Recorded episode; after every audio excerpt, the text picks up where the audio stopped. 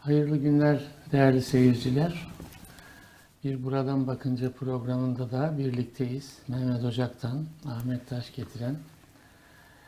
Evet sıcak gündemler var. Seçim en başta artık ufukta görünüyor denebilir.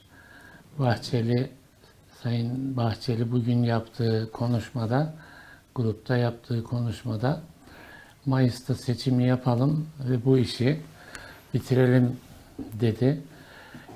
Ee, yani Türkiye siyaseti Bahçeli'nin bu tür çıkışlarına tanıktır. Ee, o söyledi mi e, süreç başlar. Şimdi Cumhur İttifakı adına e, Bahçeli bu açıklamayı yaptı. AK Parti tarafından da bir tür e, antrenmanlar yapılıyor seçim tarihine ilişkin. Mayıs'ta mı olsun, nasıl olsun, hangi formülle olsun, kim seçime götürsün Türkiye'yi bunlar tartışılıyor. 7 Mayıs mı olsun, 14 Mayıs mı olsun? 14 Mayıs biraz daha tercih edilen bir tarih gibi gözüküyor e, AK Parti iktidar tarafından. Ancak e, Mayıs'ta yapılacak bir seçim demek bir anlamda erken bir seçim demek ya da asıl tarihinden öne çekilmiş bir seçim demek. Asıl tarihinden seçimi öne çekmek nasıl mümkün olacak? Böyle bir sorunu var anayasa anlamında. Yani Cumhurbaşkanı mı karar verecek, meclis mi karar verecek? E, meclis karar verecekse hangi sayıyla karar verecek?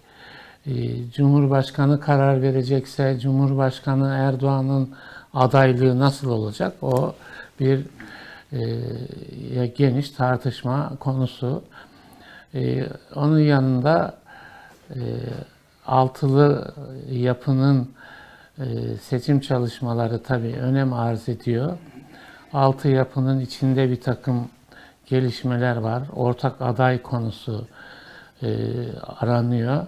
Ona karar verilecek. 26 Ocak'ta İyi Parti'nin ev sahipliğinde bir toplantı yapılacak. 30 Ocak'ta da e, geçiş dönemi yol haritası ve bir anlamda hükümet programı öncelikli yapılacaklar e, ilan edilecek. Büyük bir lansmanla, toplantıyla e, ilan edilecek. Ama ortak aday kim olacak sorusu da henüz cevaplanmış, netleşmiş ya da cevabı netleşmiş bir soru değil. Onu konuşacağız. Acaba e, altılı masa içerisinde farklı görüşler var mı?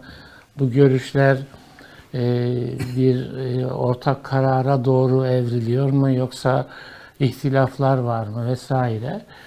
Bunlar e, önemli konular. Bu arada Ekrem İmamoğlu ile ilgili siyasetin gerilimi devam ediyor.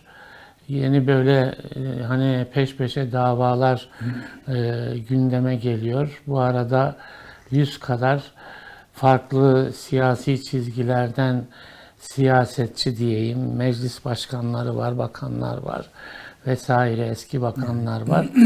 Bunlar e, İmamoğlu'nu e, Saraçhane'deki binada ziyaret ettiler ve desteklerini e, bildirdiler. O da ayrı bir şey yani siyasette ayrı bir e, hareketlilik. Bu arada Sadat gündemi devreye girdi. Yani Sadat ilginç bir e, çıkış yaptı diyeyim. Böyle bir bir tür meydan okuma, bir tür ve ana muhalefet liderine yönelik bir adeta rövanş diye nitelenebilecek bir hamlede bulundu. Bunu konuşmamız lazım.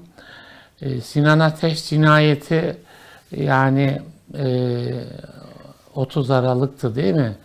cinayetin evet. işlendiği tarih. Bugün ocağın e, kaçı 18'i mi 17'si yani ocağın yarısına geldi. E, büyük bir olay. Evet. E, külleniyor mu? E, vesaire değil mi? E, Bahçeli'nin o noktadaki çıkışı ilginçti. geçen haftada e, bir nebze bahsetmiştik.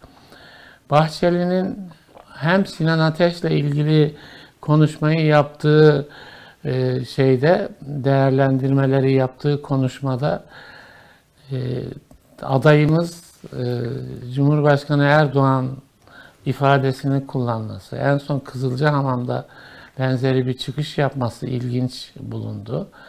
Bu arada dün e, Anamur e, Ülke Ocakları Başkanı'nın aracı kundaklandı. E, yani tamam siyaset kamuoyunda tansiyon azalır gibi gözüküyor ama alttan alta da ülkücü camiada, MHP camiasında olayın sancıları e, sürüyor, devam ediyor. HDP ayrı e, aday çıkaracağını açıkladı. HDP'nin e, yani seçimlerdeki konumu tabii e, matematiği önemli ölçüde etkiliyor. Evet böyle başlıklar var. Oldukça e, yoğun dikkat edilirse başlıklar. Bir yandan başlayalım. Yani hem seçim tarihi istersen hem de altılı masayla ilgili gelişmeleri değerlendirerek başlayalım programımıza. Evet, Sayın Bahçeli e, seçim konusunda son noktayı koydu Evet. Mayıs diye. E, zaten e, genelde AK Parti'nin böyle kritik konularda vereceği kararlarda ya da herhangi bir konuda atacağı adımlarda mesela Sinan Ateş şeyinde de e, Sayın Bahçeli konuşmadan AK Partililer pek konuşmuyorlar. Evet. Yani e, biraz o şeyi dikkat ediyorlar. E, dolayısıyla Sayın Bahçeli artık e, seçimin ay olarak en azından tarihini açıkladığına göre e, AK Parti de ona uyacaktır. E, tabii bunun için ya normalde iki yol var işte. E, ya parlamentodan 360'ı bulup e, seçim kararı alacak e, ya da Sayın Cumhurbaşkanı fes yani erken seçime gidiyoruz ya da ön, seçimi öne alıyoruz e, dediği zaman doğal olarak parlamentoyu feshetmesi gerekiyor. Kendisi de fes olacağı için dolayısıyla her iki seçim birlikte zaten birlikte yapılacak. Dolayısıyla orada problem kalmayacak. Orada işte tartışma bu erken seçim kararı alınırsa aslında bu dönemi bile tartışmalı aslında e, aday olamaz diyenler var. E, zaten iki dönem yaptı. Dolayısıyla anayasada da yeni değiştirilen Cumhurbaşkanlığı hükümet sisteminde de net olmadığı için aday olamaz filan diyorlar. O tartışma var ama onun çok bir önemi yok. ama e, fesih yoluyla yapılınca şimdi mesela bu dönem olduktan sonra üçüncü şeyi de yani onlar 2018'deki seçimi birinci bunu ikinci kabul ettikleri için e, şey yapabilirlerdi. Yani e, bir sonraki seçimde de aday olma imkanı açılmış olabilirdi. E, fesih yoluyla o kapanmış oluyor aslında. E, bir yol daha var. İşte acaba Yüksek Seçim Kurulu karar alabilir mi diyorlardı. Sanıyorum yasal anayasa gereği o çok mümkün olmuyor. Yani bir iki haftalık yani diyelim ki bir haftalık öne alma gibi e, zaruret dolayısıyla Yüksek Seçim Kurulu öyle bir inisiyatif Hmm. kullanabiliyormuş ama sonuçta burada bir ay ya Bir da bir aydan bir fazla süre bir var, evet. e, süre var. E, dolayısıyla e, o yol kapalı gibi gözüküyor. E, muhtemelen e, zaten genel kanaatte e, Cumhurbaşkanı'nın e, şeyiyle kararıyla olacak. Yani meclisi feshedecek. E, meclisi feshetmek çok e, hoş bir şey değil. Bugüne kadar çok olmuş bir şey değil ama e, yeni sistemde bunun da bir imkanı var. E, dolayısıyla seçimler artık Mayıs'ta seçim yapılacak. E, son kararı da Orada şey tartışılıyor malum. Yani Cumhurbaşkanı aday olabilir mi meclisi kendisi feshederse? Yani meclis seçim kararı verirse erken seçim kararı e, aday olma imkanı olabilir. Olabilir. Çünkü Cumhurbaşkanının süresini kısaltıyor. Ama e, Cumhurbaşkanı meclisi feshederek seçime giderse o zaman e, aday olması Yani üçüncü defa aday olması söz konusu Söz oluyor. konusu. Ama Yani üçüncü defa sayılacak mı, sayılmayacak mı? Değil mi? Orada bir tartışma var. ama işte bunlar sonuçta tartışıyoruz da e, son karar Yüksek Seçim Kurulu verdiği için oraya bir itiraz merciği yok. Evet. Yani onun verdiği karara dolayısıyla katılır dediği zaman yani muhalefetin de o konuyu çok fazla e, yani sorun etse bile bir sonuç olmayacağı için e, herhalde oraya takılmayacaklar. Yani şöyle bir şeyi istiyor zannediyorum değil mi muhalefet? Yani Tayyip Erdoğan'ı meydanda yenelim. Yani bir mağduriyet Ha- şeyi ha, mağduriyet im- imkanı olmasın. Halka gelsin, halkın önüne gelsin ve yaptıkları icraatı halk de, e, değerlendirsin. Sandıkta kalsın. Kalsın. Böyle bir yani hani zafer e, veya muhalefet e, böyle net olarak ortaya çıkar gibi bir yaklaşımı var. Onun için de herhalde yani üçüncü defa aday olur mu olmaz mıyı irdelemeyi pek düşünmüyor. Evet, muhtemelen artık öyle bir şey yapmayacaklar. Ee, esas tabii seçimler erken alındığına göre al- altılı masanın artık Evet. e, biraz daha vites yükseltmesi gerekiyor. Evet. Zaten bugüne kadar aslında çok e, zaman kaybettiler. Yani ocağın yarısı olduğuna göre Şubat, Mart, Nisan, Mayıs 4 ay. 4 ay sonra seçim var. Ee, Yani değil mi? 15 Şubat'ta filan e, sanıyorum e, şey yapılması lazım. Yani Evet. takvim 3 aylık takvim başlamış oluyor. E, 60 gün değil mi? 60 yani gün mü? 14 Evet. Mayıs, e, 14 Nisan, 14 Mart. Mart. E, Yani Ama seçim- yasa herhalde şeyde gelir. Şubat'ta Evet tabii. e, yani daha doğrusu fesih şeyini Evet. oralarda yapması lazım. Başlatması lazım. E, şimdi tabii altılı masa e, muhtemelen şimdi Vites 20 yükseltmeden ne anlamak lazım? Şöyle şeyler var. Yani altılı masanın kendi içinde bir e, insicam problemi mi var e, gibi de zaman zaman ya da şöyle bir şey yani iktidar istiyor ki benim anladığım altılı masa e, böyle bir bütünlük içerisinde halkın huzuruna çıkamasın. Değil mi? Orada derin problemler olduğu izlenimi de olsun. Yani bunlar işte koalisyon dönemlerini hatırlatan bir karmaşa Evet. e, izlenimi de olsun. İşte Böyle zaten bir şey. geçmişte de böyleydi aslında. Ha. Bunlar da e, böyle her gün bir problem çıkıyor. E, yani sonuçta masanın orada e, varlığını sürdürmesi, bugüne kadar böyle herhangi bir zaafa düşmeden gelmiş olması iktidar açısından, e, özellikle AK Parti açısından öyle çok kabul edilebilecek bir şey değil. Bunun bir örneklik oluşturması da çok e, sanıyorum işine gelmeyecektir. O bakımdan e, işte son günlerdeki tartışmalar biraz iktidarı e, ya işte biz zaten bunu söylüyorduk gibi demeçler, tartışmalar, işte e, iktidara yakın medyanın bu konuda e, ki yayınları filan da biraz bu e, istikamette oldu. E, o tabii çok şey olmadı.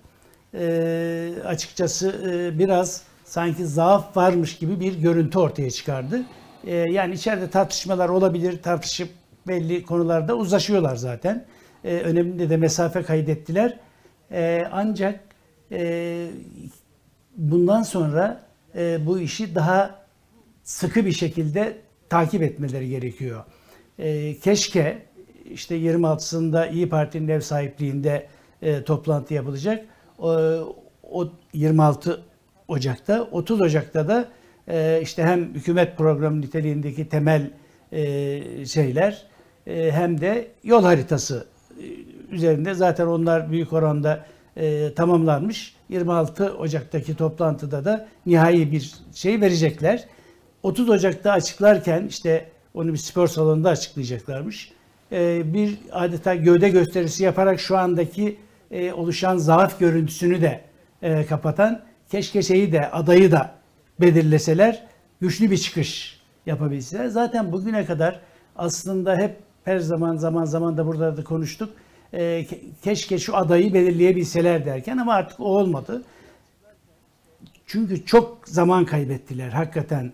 E, yani bu kadar metinler hazırlıyorlar, çok iyi şeyler yapıyorlar ama E, mesela Bizim bu affedersin mesela keşke dediğimiz şeyler yani senin benim neyse zaman zaman ya da muhalefetin e, başarısını önemseyen toplum kesimlerinin keşke dediği şeyler liderler nezdinde e, yani bir önemsenmez mi? Ne dersin yani? Yani e, mesela e, bunun için fırsatlar vardı zaman zaman işte iktidarın çok kritik zamanlar yaşadığı ekonomide diğer alanlarda e, şeyinin düştüğü oylarının da düştüğü toplum nezdindeki itibarının da alta gerilere çekildiği dönemlerde mesela birlikte bir şeyler yapabilirlerdi, meydanlara çıkabilirlerdi.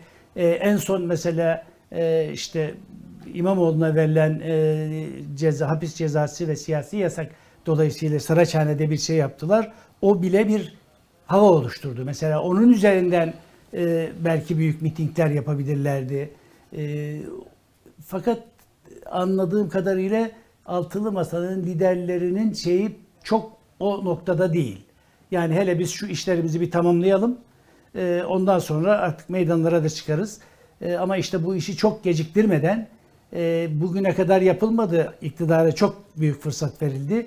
E, umarız bundan sonraki o 30 Ocak'ta ya da işte aday belirlendikten sonra hiç zaman kaybetmeden ortak mitingler mi yapacaklar?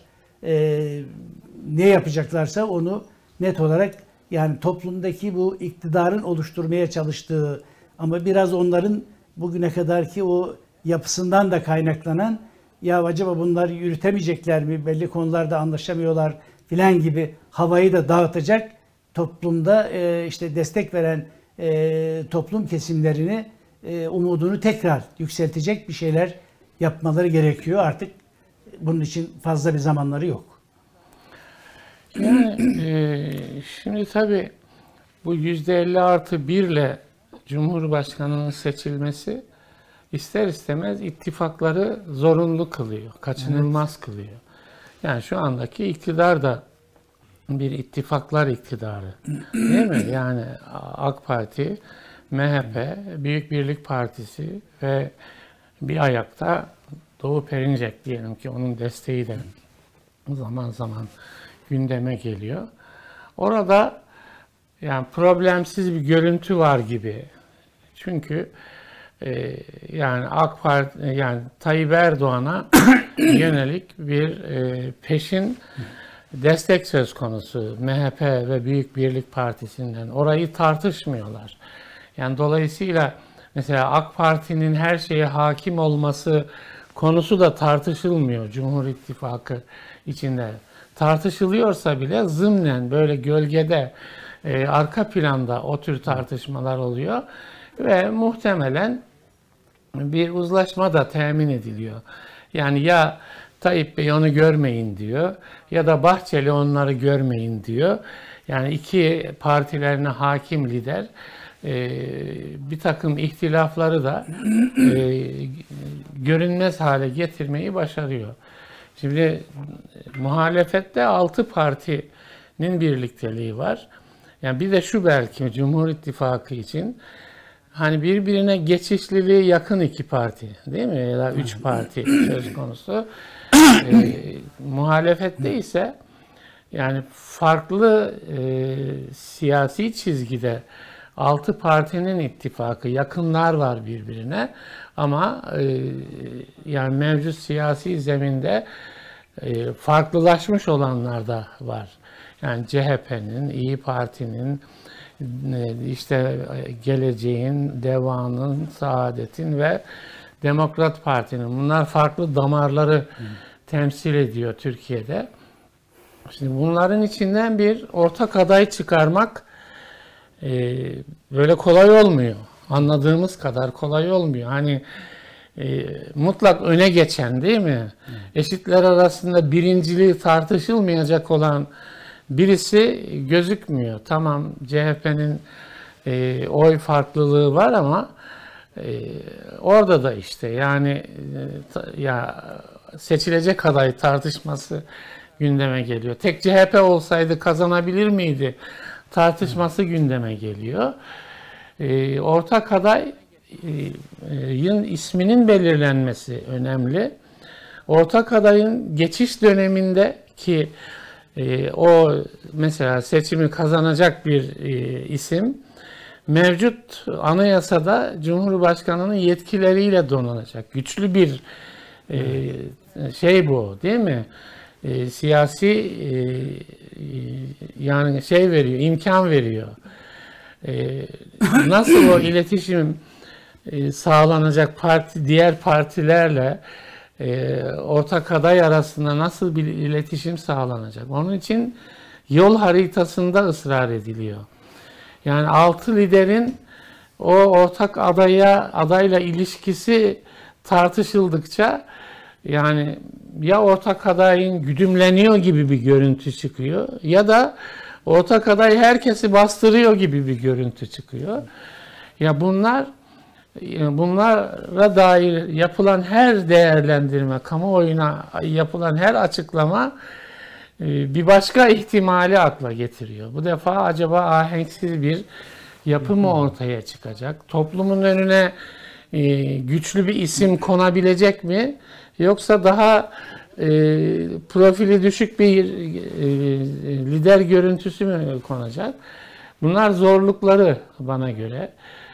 Onun için yani şu andaki yapı toplumda e, bir zaaf görüntüsü ortaya çıkarmış olabiliyor. E, bunu yani iktidara yakın bir medya dünyası var. Onlar alıyorlar, topluma ulaştırıyorlar. Troll denen Yapılar belki var. konuşacağız. E, onlar bunu büyütüyorlar, büyüteçle topluma sunuyorlar. Böylece altılı yapı sanki problemli bir e, gidişin içindeymiş gibi bir görüntü çıkıyor.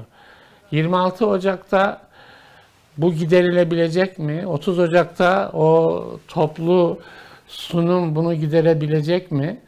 E, bunlar hakikaten hala üzerinde konuşulacak olan e, şeyler diye düşünüyorum yani. Ama ne yapacaklarsa yani buradaki e, yani hep konuşuyoruz. Şimdi belli ki zaten e, iktidar açısından, Cumhur İttifakı açısından bu masanın bizatihi varlığı büyük tehlike.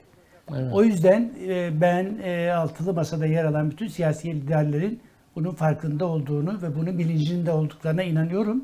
Çünkü e, işte o yüzden de artık e, zaman kalmadı. Adayı da belirlemeleri gerekiyor. Çünkü iş tavsadıkça zaman şey e, aralığı genişledikçe tartışmalar da işte ya buradaki adamlar da bunlar niye burada ki? Ya onlar olmasa işte e, ufak e, daha henüz seçime girip kendisinin deneme şeyi olmamış partiler onlar olmasa da olur gibi bir tartışma da aynı zamanda etrafa yayılmış oluyor. Oysa bu yanlış. Evet seçimde kimin ne alacağı belli değil ama yeni partiler açısından daha zor bir süreç var. O ayrı.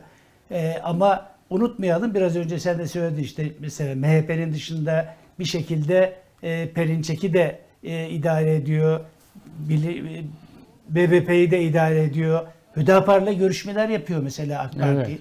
Yani bu e, en garanti gibi gördükleri işte hem medya açısından bütün devlet kurumları, bütün devlet ellerinde olmasına rağmen yani imkanları sonuna kadar geniş. Her türlü e, işte troll çalışmasında yapabiliyorlar. Devletin farklı imkanlarını, televizyonlarını, e, özel kanallarda hepsi iktidarın denetiminde olduğu için bir bakıma kullanabiliyorlar ve rahatlar. Ama buna rağmen o 50 artı 1'i almanın güçlüğünü e, ve önemini onlar da görüyor. Ve Hüdapar'la da gidip görüşmeler yapıyor. Belki başka partilerle de görüşecek. Yani o yüzden illa onun oyu ya işte 5 oy oradan gelsin. Evet oyların da bir önemi var ama aynı zamanda da masanın daha doğru o masa diyorum Cumhur İttifakı'nın görüntüsünü ve gücünü de bunlar da burada herkes burada e, şeyini vermeyi çok istiyorlar. Bir dönem e, biliyorsunuz e, Sayın Akşener'le ilgili hem MHP'nin çağrıları var, aynı Sayın, Sayın Cumhurbaşkanı'nın çağrıları var. burada bize geldi. Bize gel diye. Daha evet. geçmişte şey rahmetli Oğuz Atatürk'ün sağlığında Saadet Partisi'ni e, katmak için Sayın Cumhurbaşkanı bizzat kendisi bir çalışma yaptı. Yani illa Saadet'ten gelecek oy değil ki o aynı zamanda masanı zaafa uğratmak, masadaki masanın meşruiyetini e, azaltmak için bir hamleydi, bir çalışmaydı. Yani bu böyle bir şey. Dolayısıyla burada e, işte şu, bunların zaten oyu belli değil, ne oy alacaklar gibi e, şeyin konuşmaların, tartışmaların yoğunlaşması aynı zamanda masayı da zaafa uğratan bir görüntü. O yüzden zaman kaybetmeden artık bu işi seçim tarihi de 3 e, aşağı 5 yukarı en azından Mayıs ayı netleştiğine göre e, adımlarını biraz daha sıklaştırmaları gerekiyor. Yani e, sanıyorum Tayyip Bey e, yani zor zor bir seçime gittiğinin farkında. Değil mi? Yani kamuoyu yoklamaları da bunu gösteriyor. E, yani şu anda oyları azami yüzde 45 civarında gözüküyor. Yani hem MHP'nin oyları, diğerlerinin e, ve AK Parti'nin birlikte Toplasanız oyları. çıkarsanız evet şeyi %45 alan civarında gözüküyor. Yüzde 55 civarında bir toplum kesimi asla Tayyip Erdoğan'a oy vermem tarzında kamu oy, oylaması sonucu çıkıyor. Zor bir seçime girdiğinin farkında. Yani Türkiye'nin e, şartları da bu. Yani hakikaten ekonomi, benim bugünkü yazım yoksulluk iklimi, e, insanlar boğulma hissi yaşıyorlar. Yani bu çok açık. Sadece dar gelirliler değil, o orta gelir grubu da bir boğulma hissi yaşıyor. E, yani yoksullar sınıfı içerisine girmiş olmanın bir e, paniği söz konusu. Zor bir seçim. O zaman rakibi zaafa uğratmak değil mi? Tabii tabii. Rakibi zaafa uğratmak. Bunun içinde benim gözlemlediğim iki türlü bir yol izliyor. Bir, altılı masa içerisinde zaaf oluşturmak. Yani onların mesela altılı masa oluşumu hakikaten e, Tayyip Bey için çok büyük bir risk. E, yani o onun oluşmasını zannediyorum beklemediler. Evet beklemediler. Şimdi orada muhafazakar camiadan da liderler var. e, sol var, milliyetçi kesim var. E, liberallerle ilişki kuran e, siyasi çizgiler var. Bunu oluşmasını beklemediler. Şimdi ne yapmak lazım? Burada ihtilaf çıkarmak lazım. Onu uzlaşması zor bir buluşma gibi göstermek lazım. İkinci şey de benim değerlendirmem HDP ile bu altılı masanın buluşmasını önlemek. Yani bunun potansiyeli yok mu? Var. Yani e, altılı masa içerisinde HDP'ye e, çok çok mesafeli e, bir siyasi e, irade de var. Bu, bu gözüküyor. Yani belki daha uzlaşmacı olanlar var. Yani e, Kürt seçmene yani onu anlamak gerektiğini, onu dışlamamak gerektiğini düşünen şeyler de var bu altılı yapı içerisinde. Ama HDP'ye bir kurum olarak üstünü çizen şeyler de var. Bu e, şeyin işine yarıyor. Yani iktidarın işine yarıyor. Yani bunu isterdi, istemeden de e, olabilen bir e, sonuç bu. Mesela Hüdapar'la diyelim AK Parti'nin veya MHP'nin e, buluşma noktaları yüzde kaçtır diye sorulduğunda ben tamam bir muhafazakar damar var Hüdapar'la şey arasında ama Hüdapar'ın geldiği mecraya baktığında da orada ciddi sorunlar e, olduğu gözleniyor. Ama dediğin gibi yani bir oy bir oy. Onun evet. için mesela e, şöyle düşünsek yani yerel seçimlerde Abdullah Öcalan'dan mektup getirten bir siyasi irade şimdi HDP ile işbirliği yapmak istemez miydi mesela? Evet. HDP'nin en azından tarafsız kalmasını istemez miydi? İsterdi şüphesiz. O zaman e, HDP'yi överdi de belki. Selahattin Demirtaş cezaevinden ya bu defa bu altılı masa e, işte şöyle davranıyor, böyle davranıyor. Geçin onu, ortada şey yapalım falan deyiverse mesela o da bence Selahattin Demirtaş adına iktidarda olumlu bir şey oluşturabilir. Şimdi bunun bu hesap iktidarın hesabı.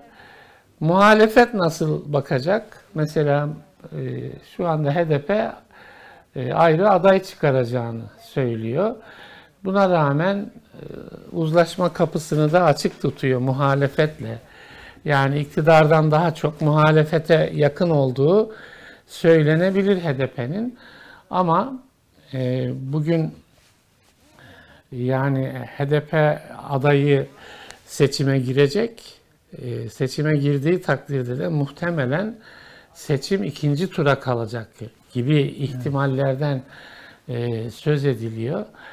Yani e, bir anlamda e, şeyi başarmış durumda. Siyasi iktidar HDP'yi ayrı e, yani altılı masayla araya mesafe koymayı şimdilik en azından e, başarmış gibi gözüküyor. İşte belki aday ortaya çıktığında e, aslında e, fiilen bir şey olmasa da e, Kürt seçmenin oylarını alabilecek bir e, ortak ismin, aday. Ortak e, aday daha doğrusu işte ortak aday altılı masa e, belirledikleri ortak aday e, onu kendiliğinden e, sağlamış e, olacaktır diye düşünüyorum.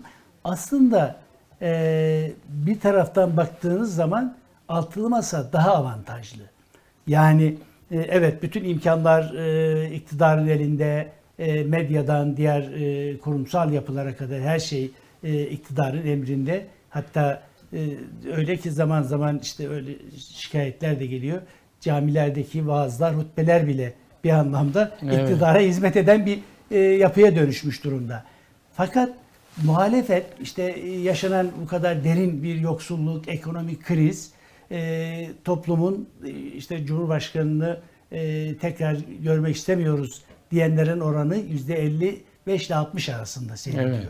Yani bütün bunlar avantaj. Yeter ki e, altılı masa o sinerjiyi oluşturabilsin. Evet. Yani bu da tabii bundan sonra gösterecekleri e, hem aday konusunda adayı belirledikten sonra da yani adaya bir defa e, kim olursa e, o konuda herkesin mutmain olması gerekiyor.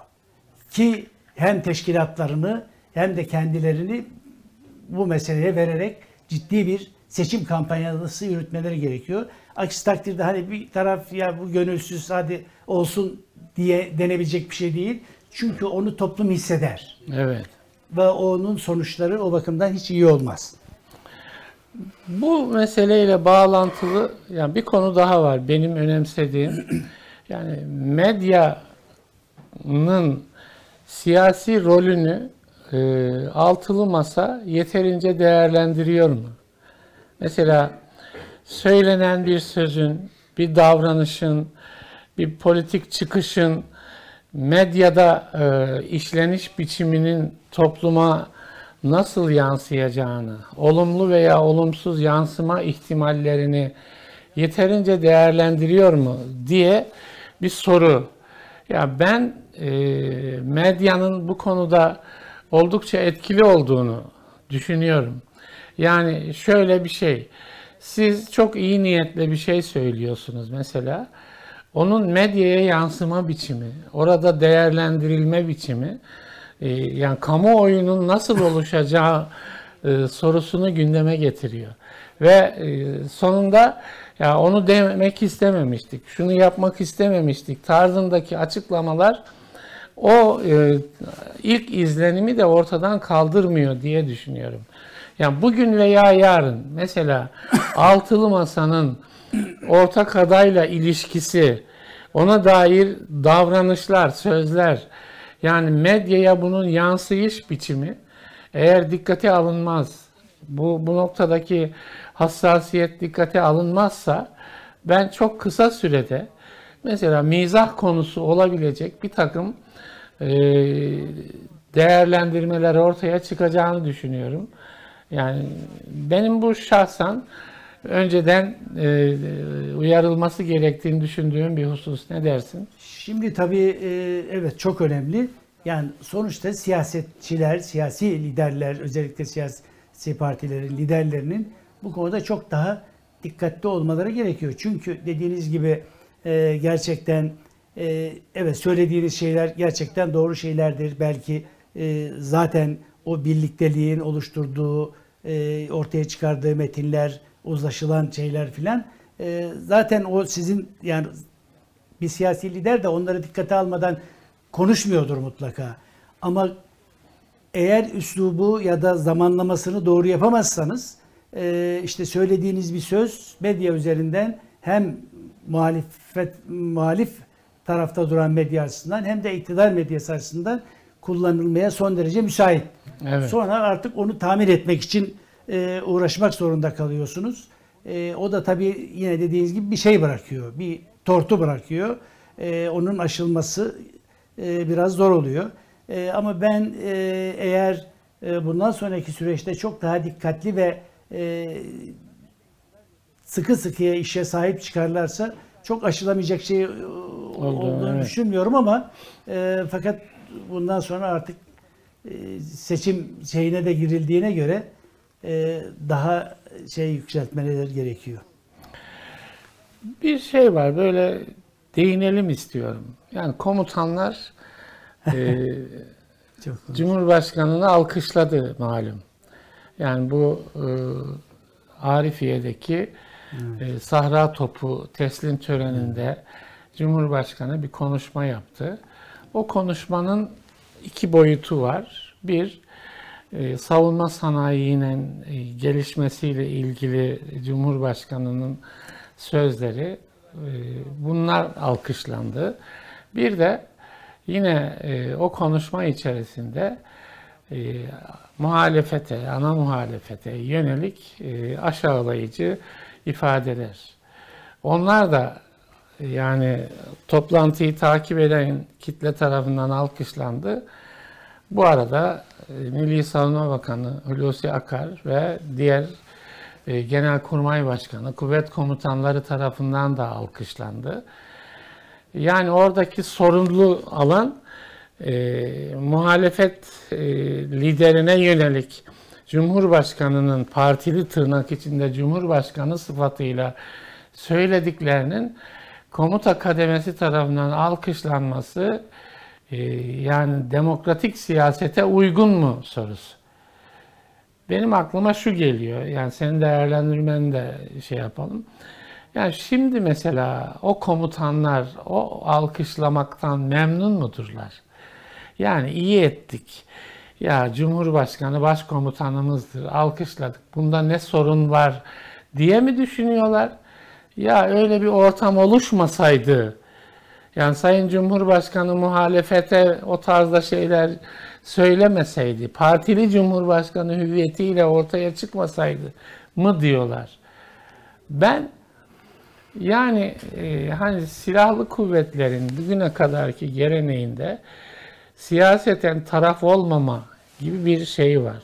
E, Hani kışlaya ve camiye siyaseti sokmamak diye bir e, ana hassasiyet vardır bizde. Yani oradan ben iyi yapmadık diye düşündüklerini tahmin ediyorum. Yanılıyor muyum? Şimdi tabii e, geçmişte yaşadığımız bir takım örnekler var. E, işte e, yargıçlara filan işte cübbeleriyle onlara briefingler verildi. Evet. Onları hep eleştirdik. Bugün AK Parti'nin yönetimini oluşturan Sayın Cumhurbaşkanı dahil de o tür dönemlerde bu tavırları e, işte askerin siyasete karşı e, üstenci bakışını hep eleştire geldiler. Hatta işte özellikle asker ve e, askeri ve yargı bürokrasisine ilişkin e, çok açık e, sözler var. Eğer siyaset yapacaksanız kardeşim cübbelerinizi, üniformalarınızı çıkarın. Çıkarın. Ee, evet. çıkarın siyaset yapın. Ee, belki onunla çok örtüşen bir şey değil ama e, fakat orada e, Sayın Cumhurbaşkanı'nın ana muhalefet partisi liderine doğrudan e, bu tür bir e, eleştiri yaptığı bir noktada alkışlaması tabii çok kabul edilebilecek bir şey değil. Evet. Yani bir demokratik e, e, yapıda, e, demokrasiyle yönetilen bir ülkede eğer öyle olduğuna inanıyorsak e, orada da kuşkularım var ama şimdi dolayısıyla bunların olmaması gerekir. E, o zaman niye geçmişte eleştirdik? E, niye askerin, yargının bir takım müdahalelerine e, işte hep işte falan komutan hep gazeteciler, yazarlar şey yaparlardı. ismini vermeden falan komutan şunları söyledi. Siyasete ayar vermeyi, e, belli kesimlere ayar vermeyi e, hedef alan e, bir takım konuşmalar, değerlendirmeler yapıla geldi. Ve bunların hiçbir zaman e, bir demokrasi ülkesinde, e, demokratik hukuk devletinde kabul edilemeyeceğini söyledik, yazdık. E, şimdi AK Parti bunları, AK Parti iktidarı döneminde bunlar olunca yani geçmişte mi yanlış yaptık? Doğrusu orasını evet. düşünmek gerekiyor ama tabii hoş değil ama şöyle bakınca tabii Sayın Cumhurbaşkanı alkış bekler. Gazeteciler bile niye gazeteciler alkışlamıyor dediğine göre e, generallerin de e, alkışlaması gerekiyormuş demek ki. Evet onu öyle bırakalım. Şimdi e, siyasetle ilgili bir başka şey Ekrem İmamoğlu konusu. Önce e, bir hakaret davasından yola çıkıldı. 2 yıl 7 ay 15 gün bir ceza verildi. Siyasi e, yasak da getirebilecek bir şey. Ondan sonra e, o istinafta Yargıtay'a doğru gidiyor. Süreç devam ederken e, Beylikdüzü Belediyesi döneminden bir takım dosyalar e, çıkarılıyor. Bu arada e, Tuzla Belediye Başkanı arkadaş dediği için ya işte e, aleyhime infial oluşturacak sözler söyledi diye e, bir dava girişiminde bulundu, suç duyurusunda bulundu. Yani böyle sanki e, ya kurt kuzuyu yemek isterse suyumu bulandırıyorsun dermiş. Yani bu bizde siyaseten de eskiden e, hakikaten e, yani muhafazakar partilerin e, kullandığı bir şeydi değil mi? Yani genelde kapatılırdı partileri ve suçlar üretilirdi sürekli. Şimdi İmamoğlu'na karşı bir şey var. Bu defa e, mesela Meral Hanım e, yaşasın adalet kahrolsun zulüm diye videolar çekti. İmamoğlu'na sahip çıkıyor. Siyaseten de yorumlanıyor bu ama en son mesela başta da söyledim 100 kadar eski siyasetçi, eski yani e, siyasetin eski isimlerinden diyelim meclis başkanı, bakan vesaire farklı siyasi eğilimlerden insan geldiler. E, Davutoğlu'na işte senin yanındayız dediler. E, Şey, İmamoğlu. Davutoğlu diyorum. İmamoğlu'na senin yanındayız dediler. Bir de öyle bir şey var. Yani sanki e, yani sahipleniş, yani adaletin siyaseten kullanılmasına tepki babında e, bir takım hamleler de e, geliyor. Orada mesela Hikmet Çetin eski meclis başkanlarından CHP'li Hikmet Çetin e, eski Dışişleri Bakanlarından o dedi ki yani bu tepkiler yetmez. Çok daha tavırlı olmak lazım. Sanki öyle bir damar gelişiyor gibi. Yani e, adaleti kanırtmamak lazım değil mi? Hukuku kanırtmamak lazım. Toplumun derinliklerinde böyle bir protesto şeyi gelişiyor gibi. Onu da Şimdi tabii burada esas itibariyle e, bu sahiplenme olacaktır. Yani muhtemelen önümüzdeki e, dönemde eğer görevden de alma işlemini gerçekleştirirlerse çünkü o da konuşuluyor, tartışılıyor. E, sanki hemen alınacakmış gibi bir hava oluşmuştu ama şu anda biraz sanki e, o biraz tavsamış gibi duruyor ama e, seçimlere gitmeden öyle bir yolu da kullanabilirler. E, o elde yüzden- bir tutuluyor. O yüzden e, İmamoğlu meydanlara çıkabilir yani o tür mitingler de yapabilir. E, fakat esas orada burada olması gereken bana göre sahiplenme noktasında sanki Cumhuriyet Halk Partisi biraz bu işlerde yavaş hareket ediyor gibi bir kanaate sahibim. Yani daha ilk Yani günde şöyle şey yapalım. Meral Hanım mı üzerine düşenden daha fazlasını yapıyor? CHP mi üzerine düşenden daha azını yapıyor? Şimdi orada zaman zaman işte e, eleştiriler var ama yani sonuçta e, öyle bir haklılık tarafı var. E, biz diyor İyi Parti oy verdik yani bizim oy verdiğimiz bir belediye başkanı. Tabii seçilmesinde kaldı ki bizim- zaten hiç siz oy vermemiş olsanız da eğer Türkiye'de siyaset yapıyorsanız doğal olarak böyle bir siyasi çok e, entipüften bir şeyden dolayı Yani Tayyip Erdoğan geldiyse- mesela cezaevine atıldığında ya biz o zaman herkesten değil mi adalet hassasiyeti olan herkesten sağ sol demeden Herkesin aynı e, hassasiyeti göstermesi gerekir. istedik yani. E, dolayısıyla bunu daha e, çok güçlü bir şekilde Cumhuriyet Halk Partisi kullanabilirdi. E, hele de seçim öncesi böyle bir e, Türkiye'nin en büyük şehrinin belediye başkanına siyasi yasak geliyor. E, ve bu konuda yeri göğü inletebilirdi diye düşünüyorum açıkçası. Evet bir konu daha var bu hafta e, gündeme gelen E, Sadat Sadat konusu. Sadat e, işte stratejik e, eylemler yapan e, bunun için e, örgütlenen bir şirketin adı. Yani e, silahlı eğitim veriyor. Yani Türkiye dışında deniyor daha çok. Yani ona karşı CHP Genel Başkanı olarak Kemal Kılıçdaroğlu yani şeyle merkezlerine gitti. Onların e, paramiliter bir yapı olduğunu, seçimler için muhtemel bir e, risk oluşturduklarını e, ifade etti, tepki gösterdi, gündeme taşıdı Sadat olayını, gündeme taşıdı. E, bu hafta içinde de e, TV100'de program yapmaya başlayan Uğur Dündar, Kemal Kılıçdaroğlu ile ilk programını yaptı. Band çekimi yapılıyor ve bandın e, bandtan yayın sırasında da yani e, TV100'ün e, merkezine gelen reklamımız var diyen e, Sadat'a o imkan veriliyor.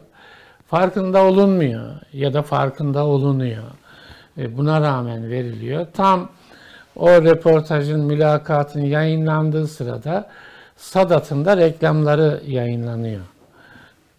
Reklamlar ilginç. Sadat e, işte savunma sanayinin yüz akı vesaire gibi ifadeler var. Ama hareketli görüntüler de var. Böyle maskeli, e, silahlı, hani paramiliter güçler diyelim. Yani e, onlar silahlı e, böyle hareket halinde görüntüler var. Şimdi tabii Sadat'la Kılıçdaroğlu arasındaki eski dosya bilindiği için bu e, kaçınılmaz olarak onun revanşı gibi algılanıyor. Kaldı ki Sadat adına e, CEO olarak görev yapan Melih Tanrıverdi de bunu gol olarak değerlendiriyor. Bir tür revanş olduğunu, bir tür Kılıçdaroğlu'na yönelik bir anlamı bulunduğunu hadisenin e, ifade ediyor, açıklamalar yapıyor. İşte bak diyor 1500 liralık bir reklamla yani tırnak içinde o benim tercümem senin icabına baktık falan gibi e, böyle yapılır bu işler gibi e, bir açıklama yapıyor. Şimdi ne diyelim konuşalım bunu biraz. Yani- Yani, Sadat malum e, bir Afrika diye bir projesi var.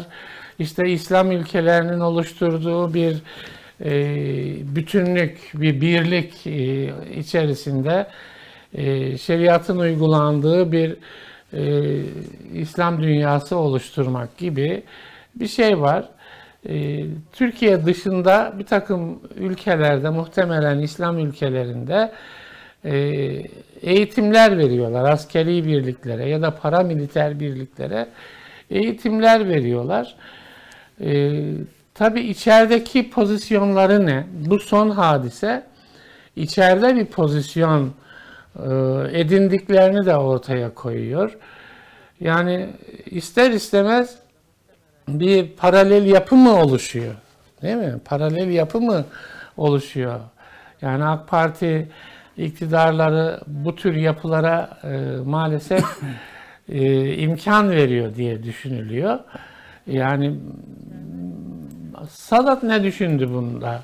Mesela Tayyip Bey ne düşündü? Çünkü bir ara Sadat'ın başındaki Adnan Tanrı verdi. Yani güvenlik politikaları da danışmanlık e, yaptığı biliniyor. Türk Silahlı Kuvvetleri'nin bugünkü 15 Temmuz sonrası düzenlemesinin e, Sadat'ın yönlendirmeleriyle gerçekleştiği ifade edildi. Ne oluyor yani? Sadat nerede duruyor? Mesela Cumhurbaşkanı ne düşünüyor? Bahçeli ne düşünüyor? Yani ne bileyim ben Destici ne düşünüyor? Yani bu kadar e, yani son şeyin gerçekten çok pervasızca yapılan bir şey olduğu kesin. Yani o ifadeler e, doğrusu e, kabul edilebilecek bir şey değil. Yani Sadat dediğimiz yapı işte e, biz diyorlar ki işte bir şirketiz dış dünyada e, bir takım e, işte silahlı eğitimler veriyoruz. Evet. E, hükümetlere veriyoruz. Herhalde bugüne kadar duymadım. Herhalde oralardaki e, terör yapılarına vermiyorlar yani. Sonuçta Yani, e, evet. devlet yapılarıyla niye Sadat gidip bir devletle ilişkilerle eğer o ülkelerin bir talebi varsa sonuçta Türkiye'den böyle bir talepte bulunurlarsa bizim askeri gücümüzü, polis gücümüzü gelin eğitimin eğitim verin derse devlet verir. Neden yasal yollar varken neden bir şirket e, bu tür işler yapıyor? Aynı zamanda Türkiye'nin e, ürettiği silahların e, satışını, pazarlamasını da yapıyorlarmış. Neden onlar yapıyor? Devlet kendisi böyle bir e, gücü yok mu? Kendi silahlarını bir yere satamıyor mu? Pazarlamasını yapamıyor mu? Neden böyle bir e, yapıya ihtiyaç duyuluyor? Doğrusu bu son TV yüzdeki e, o reklam e, ve aynı zamanda ondan sonraki Sadat'ın başkanının yaptığı açıklamalar e, insanı ürkütüyor. Yani hele de seçime giderken e, seçim güvenliği açısından endişe verici bir şey. Güçlerin ne olduğunu bilmiyorum. Yani öyle çok hani Türkiye içinde bir güçlerin olduğunu da sanmıyorum ama fakat doğal olarak insanlar bunlar seçim açısından risk oluşturabilir diye insanlarda böyle bir endişe olabilir yani. O yüzden e, yani iktidar açısından tabii AK Parti iktidarı döneminde bu tür karışık işlerin e, izin verilmesi, yapılması yani kabul edilebilecek bir şey değil.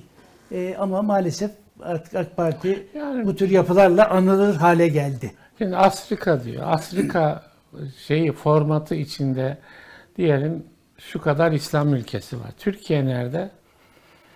Yani Türkiye'yi de mi onun içine sokuyorsun sen? Türkiye buraya nasıl gelecek? Yani nasıl gelecek? Hangi şeyle gelecek? Yani bir yerde bir ara hatırlar mısın? Cemalettin Kaplan. Kaplan vardı. Almanya'da yani hilafet devleti kurulacak. Nerede? Almanya'da. Nasıl kurulacak? İşte tahta kılıçlarla gösteri yapıyorlardı falan. Yani nasıl bir düşünce bilmiyorum. Yani Ama bizim şimdi gelişti artık silahlar da Ya, ha. İslam ülkelerini, İslam birliğini bizim, bizim kurma. insanlarımız bunlardan heyecan duyar falan böyle mi bakılıyor? Böyle mi bakılıyor? Anlamıyorum. Yani nasıl bir şey? Mesela bu Melih e, Tanrıverdi'nin e, bu açıklamalarını ana muhalefet lideriyle böylesine e, hesaplaşma şeyi içine girmesini mesela siyasi iktidar nasıl karşılandı? Ülkenin hukuk sistemi nasıl karşıladı? Mesela Bahçeli, Sayın Bahçeli nasıl karşıladı? Neyi oynuyoruz? Şimdi bunun yanında mesela troll ordusu var. Değil mi? Onu da konuşalım yani. Troll ordu Troll ordusu besliyorsun. Ya bunlar paralel yapılanmalar. Paralel yapılanmalar. Bunlara en azından göz yumuyorsunuz değil mi? Göz yumuyorsunuz. Böyle bir paralel yapılanmanın Türkiye'yi nereye götürdüğünü herhalde en iyi AK Parti bilir. Değil mi? Hayır 15 Temmuz'da gelmeden önce hep yazdık, çizdik, gazetelerde manşetler attık. Ee, Fethullahçıların e, devlet içinde paralel bir yapı oluşturduklarını askerde, poliste, yargıda, eğitim kurumlarında o paralel yapıların sonuçlarının Yani bunlar o dönemde AK Parti'nin e, himayesinde yapılan işler. Yani Evet. AK Parti iktidarı döneminde Ya bir, Yapılan bir işler- süre sonra ve 15 Temmuz'da bunun nasıl bir facia ile sonuçlandığını hepimiz biliyoruz. Evet. Ve onu temizlemek için AK Parti bir bir uğraş verdi. E şimdi o gitti başka bir paralel yapımı oluşturacağız. O da ayrı bir şey. yani şimdi o PDY değil mi? Paralel devlet yapılanması. Bu ifade Milli Güvenlik Kurulu'nda e, yani o- 17-25'ten sonra e, gündeme gelen bir ifade. Değil mi? Yani yargıdaki yapılanma, ordudaki yapılanma, şuradaki yapılanma dendi ki paralel bir devlet yapılanması var. Şimdi bu tecrübeyi yaşamış bir siyasi iktidar mesela Sadat gibi bir yapılanma, ana muhalefetle yani boğuşan bir yapılanma çıkıyor ortaya. Ya ben orada yani e, bir aklı selim yok mu? Yani bu Sadat yapısı içerisinde bir aklı selim yok mu? Yani mesela Sayın Cumhurbaşkanı çağırıp demez mi Adnan Tanrıverdi'ye ne oluyor paşam? Ya bu nereye gidiyor bu demez mi? Ama zaten Yani bunlar acayip şeyler yani. Şimdi tabii e, burada esas vahim olan şu. Bu troll ordusunun oluşmasında ve başında bulunan kişi e, bu CHP'li Özgür Özel'in bu işleri e, açıklamasından sonra diyor ki Müslümanların organize olmasını istemiyor, nefret ediyorlarmış. Müsa- ediyorlar. Yani kim yani? Müslümanlar organize bunlar, oluyor. Bunlar ne yapıyorlar kardeşim? Ee, muhalefetteki e, siyasi partiler için, siyasi kişilikler için, belli başka e, sivil toplum yapılar içindeki kişiler için ya da bireyler için e, itibarsızlaştırma kampanyaları yapıyorlar. Onları e, la ilgili e, işte sosyal medyada, başka mecralarda e, hiçbir şekilde e, bırakın e, Müslümanlığı, insanlıkla bile bağdaşmayacak işler yapıyorlar. Ve şimdi bunları diyorlar ki ya bunlar Müslümanların da organizasyonu. Kardeşim ne yani Müslümanlar başka insanlara tuzak mı kuruyorlar? Müslümanların ya da dindarların işi başkalarına tuzak kurmak mı? Yani mesela o e, troll yapılanmasının e, yani bir bakanlık e, korumasında gerçekleşti. Oranın verilen bir takım ihalelerle gerçekleştiği tarzında da Yani veya iddialar var. Bunlar yani bunlar bugün olmasa bile yarınlarda bunlar e, gündeme gelir. Yani bu mesela e, troll ordusuyla ilgili haberler medyaya yansımaya başladıktan sonra müşavir kelimesi bakanlık e, şeyinde sitesinde müşavir diye şey yapılan isim hemen danışman haline getiriliyor. Yani çünkü müşavir devlet memuru oluyor. Danışman devlet memuru gibi yani danışmanla iş akdi yapıyorsunuz vesaire. Şimdi bunlar bunlar sağlıklı işler değil.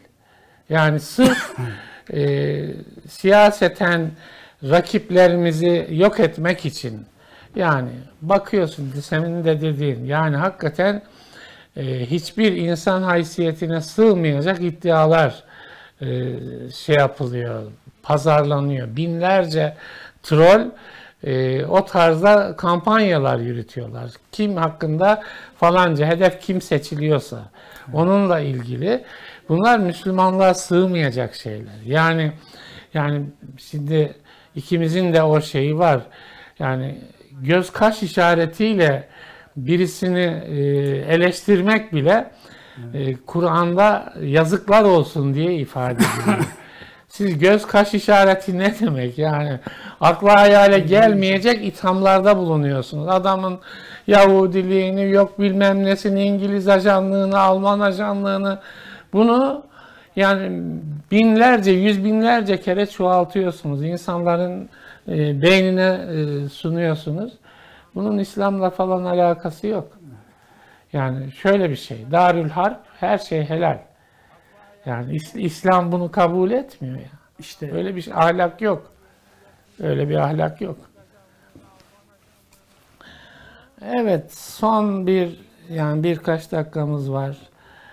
Ee, Sinan Ateş cinayeti. Evet, ülkücü camia bunu tartışıyor. Ee, sırlarla duruyor henüz. Değil mi? Sırlarla duruyor henüz. Şeyi tetikçi yok ortada. tetikçi yok, yakalanmadı. Ee, evet, yani o iş e, organize bir iş belli ki. Ee, yani normalde mesela MHP'nin bunun bütün boyutlarıyla ortaya çıkmasını istemesi lazım. Hadi o şey oldu, e, iktidarın iş- e, istemesi lazım. Ya da iktidarın mesela Bahçeli'ye sorması lazım. Nedir bu işin önünde arkasında olan diye değil mi? Evet. İşte e, belki de aslında tabii bu MHP'yi çok zor durumda bıraktı. Evet. Yani e, özellikle ülkücü camia içinde yükselen sesler, mesela cenazesinde on binlerce insan bir şey söyledi yani. Şimdi bütün bunlar aslında e, MHP'yi e, zorda bırakan bir durum.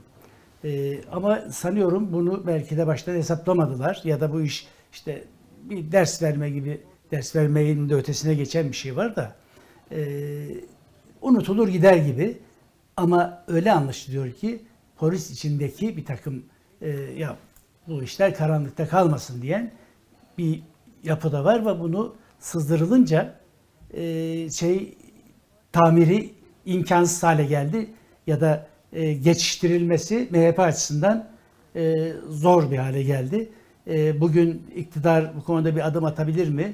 E, çok bir beklenti içinde değilim ama e, bunun geleceğe dönük sonuçları mutlaka olacaktır. Evet. Bu Anamur'daki Ülke Ocakları Başkanı'nın arabasının kundaklanması da önemli. Daha önce Mersin'de bir ölüm olayı da yaşanmıştı. Adana'dan gelen bir grupla.